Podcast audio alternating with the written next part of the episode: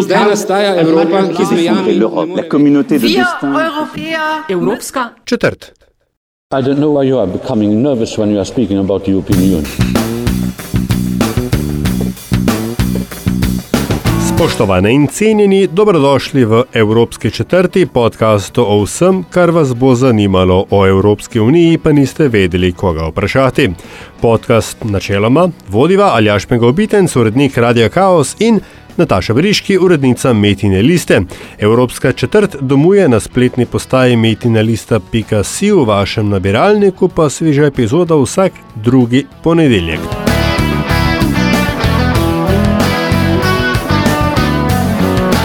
A ker je Nataša ta teden precej zaposlena z osvajanjem severnega tečaja, opravičljivo manjka. O tem, kako je plesala s severnimi medvedi, se bomo pogovarjali po njenem povratku. Zato pa bom eh, brez Nataše ali až danes prebijal let na direktivi o prenosljivosti.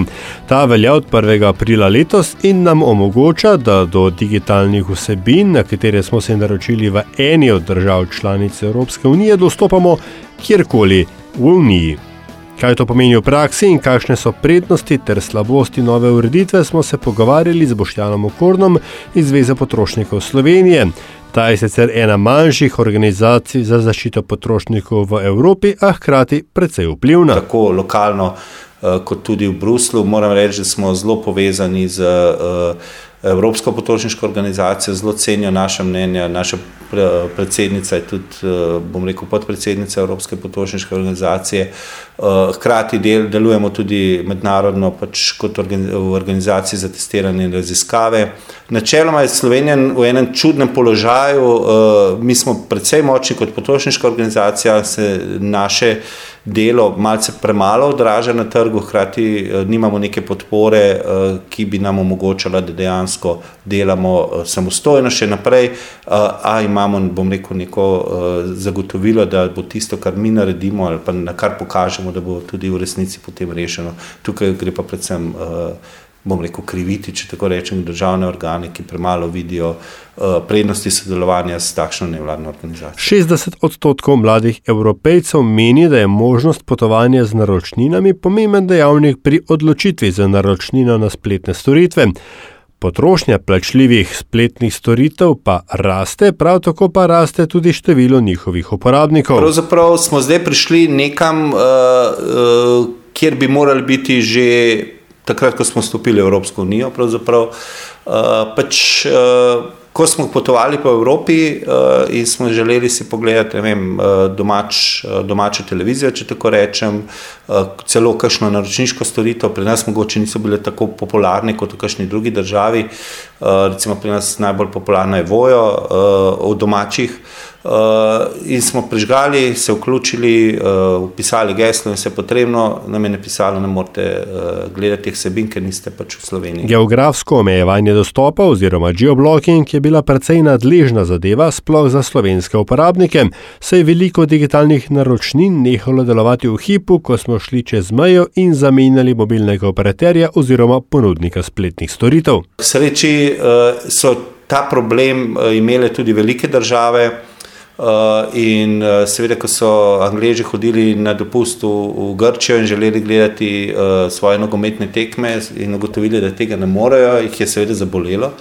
In v takem primeru se stvari v EU hitreje obrnejo. ne. Um, In zaenkrat je ta, bom rekel, ta direktiva zelo, zelo dobrodošla, kar pomeni, zdaj pomeni to, da je, eh, če imam jaz recimo tudi eh, možnost dostopa do vsebin nekega, eh, neke kabelske televizije tudi preko drugih naprav, ko se bom prijavil v katerikoli drugi državi EU, bom dobil vse te iste vsebine, programe, filme, pravi tudi video on demand in podobno na enak način kot v Sloveniji. Kar sem avtor te epizode o Evropske četrti preveril osebno in drži kot pribito. V tujini otrokom zdaj živ žal pretakamo preko aplikacije slovenskega ponudnika na televizor, kar je pomenilo takojšno upokojitev satelitskega sprejemnika. Kot majhna država lahko take stvari samo pozdravljamo. Kot sem lahko videl in sem vesel, bo ta, na ta vlak stopila tudi RTV Slovenija in bo ponudila tudi brezplačne vsebine z uh, prijavo, kar bo pomenilo, da potem bomo verjetno jih lahko uporabljali tudi v tujini. Čisto potrdila o tem še nimamo, vidim pa, da že delajo na tem in jaz zelo verjamem, da delajo na tem ravno v skladu s to direktivo. A ker ima vsaka palica dva konca, ima tudi nova direktiva nekaj minusov. Konkretno, če ste naročnik ali naročnica katerega od globalnih porodnikov vsebin ne zahteva, da nimo Netflixa, ste do sedaj ob prijavi v sistem dobili tisti nabor vsebin, ki je bil na voljo v državi, v kateri ste tisti hip bili. Zdaj pa ni več pomembno, kje ste, pač pa odkot izvira vaša naročnina. Mi seveda vemo, da ima Netflix več vsebin v Nemčiji ali v, v Veliki Britaniji, uh, ampak načeloma kot slovencu mogoče. Mi pa tega niti ni treba vedeti. Ne? Prav tako ne vem, kaj ima, uh, kakšne storitve, oziroma kakšen aplika, kakšno aplikacijo ima nek uh, kabelski operater v Italiji. Mogoče ima več ponudbe, kot jo imajo naši kabelski operaterji, ponuja več filmov. Uh, ampak uh, to dejansko v tem primeru ni pomembno. Pomembno je to, da sem jaz nekaj dobo, kar lahko gledam v Sloveniji in zdaj lahko vse to nosim po Evropski uniji in gledam tudi tam. Uh, in jaz mislim, da bo to kar veliko ljudi izkoristili. Uh, mobilni operaterji se tudi malce bojijo, da bo uh, Eh, precej narasel uh, prenos podatkov, že tako je narasel po pač, uh, ukinitvi roaminga, zdaj bo pa še bolj, ker dejansko pa veliko ljudi te aplikacije oziroma te programe, te vsebine že spremlja po, ne samo po tablicah, tudi celo po telefonih. Pa vendar, če se imate za konosirja spletnih vsebin, vam verjetno ne bo vseeno, da boste ponovno posod v Evropski uniji omejeni na ponudbo, ki je na voljo v Sloveniji. Žal imamo za vas slabo novico vaša težava zaenkrat ne zanima praktično nikogar. Ostale evropske države dejansko ne zaznavajo uh, tega, če tako rečem, ni tako povezan s to direktivo kot s kakšno drugo. Jaz bom rekel, kar geoblockinga, se pravi, da v Sloveniji ne moremo dostopati do vseh vsebin, ki so na voljo v kakšni drugi večji državi. Jaz mislim, da je to tudi naslednja naloga EU, je, da prepreči, da bi sploh katerikoli ponudnik prišel samo v eno od držav, pa nekaj držav pač po svojem izboru, če gre v EU, gre v EU in bi morali biti ta vsebina vsem na voljo pod enakimi pogoji. Povedala sva, kaj uh, direktiva o prenosljivosti je, ampak kaj pa to ni. Če, če, se nam zdaj ne omogoča, v redu, eno je, da ne moramo se naročiti na italijanske storitve, tega še vedno ne. Še kaj? Uh, ja, kar se tiče te, uh, prav tako uh, direktiva ne zagotavlja, da bodo v Sloveniji vse storitve na voljo. Se pravi, Spotify ne bo prišel v Slovenijo zaradi te uh, direktive, uh, Netflix ne bo ponudil več sebin zaradi te direktive. Uh, tukaj so te, bom rekel, podrobnosti, malenkosti, ki še vedno nas malce delujejo od Evrope v določenih uh, primerih. Uh, je pa, bom rekel, narejen prvi korak v to, kar smo si vedno želeli, se pravi, da dejansko postane Evropa nek enoten prostor, da rečemo, res smo doma v Evropi, oziroma to je drugi korak, prvi je bil absolutno ukinitev uh, uh, stroškov mobilnega gostovanja. Uh, in jaz mislim, da bo treba pač ustrajati na tej poti in dejansko se že dogajajo stvari, kot sem prej omenil. Na, Eh, področje sprememb eh, direktive o avtorskih pravicah, kjer bo verjetno prišlo vsaj do delnega odprtja storitev tudi za tiste, ki niso rezidenti v določeni državi. In potem bo, bi to moralo za seboj potegniti, da dejansko dobimo vse te storitve, vse te spletne servise, pretočne storitve, ki so na voljo po Evropi, tudi v Sloveniji. V bistvu zdaj govorimo o gradnikih enotnega digitalnega trga. Je to to v bistvu težje dosegljivo, kot se je zdelo ne, na prvi pogled. Ja, uh, igralcev je veliko, ki bi vsakrat malce zaslužil. Ne? In verjetno je, uh, jim je zelo fajn sprejemati rekel, uh, ali pa uh, neke pogodbe, neke pogoje za vsako uh, državo posebej. Uh, ker lahko pri vsaki nekaj dodatno še dobijo, ne? mogoče eni malo popustijo, pa drugi uh, pa kaj pridobijo nazaj. Medtem ko zdaj bi pa načeloma počasi bil čas, da sklepajo pač pogodbe za EU kot EU in se potem znotraj tega pač razdeli, kdo kaj plača oziroma kdo kaj dobi. Skupni digitalni trg, kot se reče dežniku, pod katerega spada direktiva o prenosljivosti in še prej odprava roaminga mobilne telefonije, še zdaleč ni dokončan.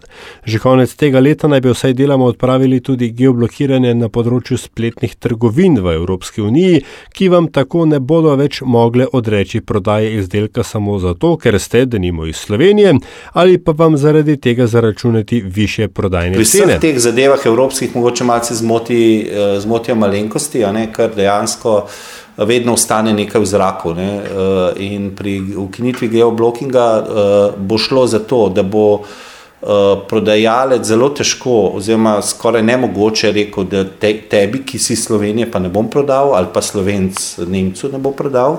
Eh, Seveda bo pa še vedno lahko rekel, ja, lahko ti prodam, ampak za transport boš pa sam poskrbel. ne. Ker tukaj gre tudi za neke, eh, bom rekel, obveze, neke odgovornosti, ki, ki bo vsak prodajalec zase vedel, ali jih bo sprejel ali ali jih ne bo. Kupec pa tudi, če mu bo zanimivo, bo pač že eh, nekako, ampak do zdaj je veljalo, da je rekel, ne, v Sloveniji ne bom prodal in je bilo to zakonsko pač čisto pokrito.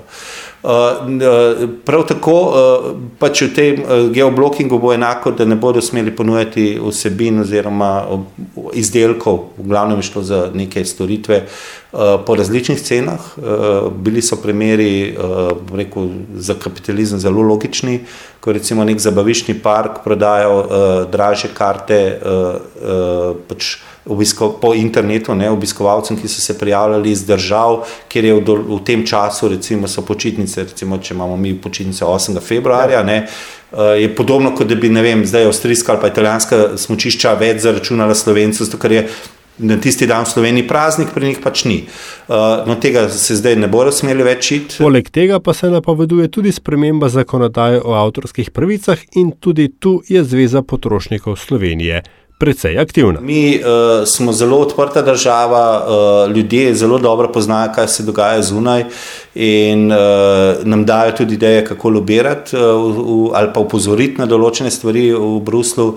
In uh, mislim, da smo tukaj vsaj malce sodelovali, se pravi pri pripravi dokumentov, na sestankih in podobno, pri uh, preverjanju, če je v dokumentih vse opisano in to. In kar nekaj stvari smo dodali, stavek tu, stavek tam, ampak na koncu so to stvari, ki jih mogoče nek Nemec, nek uh, uh, Skandinavc niti ne občuti, uh, ampak je prav, da pridejo iz drugih držav. Uh, pravzaprav bi si želeli še malce več podpore z ostalih, če tako rečem, vzhodnih uh, držav ali pa zadnjih držav, ki so se priključile Evropski uniji, zaenkrat pa EU vodijo bolj zahodne države kot ne. Mi smo pa, bo rekel, bliže njim, skušamo uh, jih grist, lajati na nje uh, in uh, v potrošniškem gibanju nas kar upoštevajo. Uh, in skupaj, če skupaj nekaj naredimo, potem tudi uh, Evropski parlament, Evropska komisija lažje nekaj ukrepa, kot če tega glasu iz Slovenije ali pa ostalih vzhodnih držav ne bi bilo. Poštena Korn, hvala. Hvala tebi. To je bila torej Evropska četrt. Predlogi, mnenja, pohvale in kritike so dobrodošli na infoafna.metinalista.si, na družbenih omrežjih pa je uradni ključnik hashtag Evropska četrt. Glasbena podlaga je delo audionautics.com, če boste privoli, da naj jo z Natašo ocenite pri vašem izbranem podcast ponudniku, hvala vnaprej. Hvala tudi za vašo družbo, se slišimo spet prihodnič v popolni zasedbi.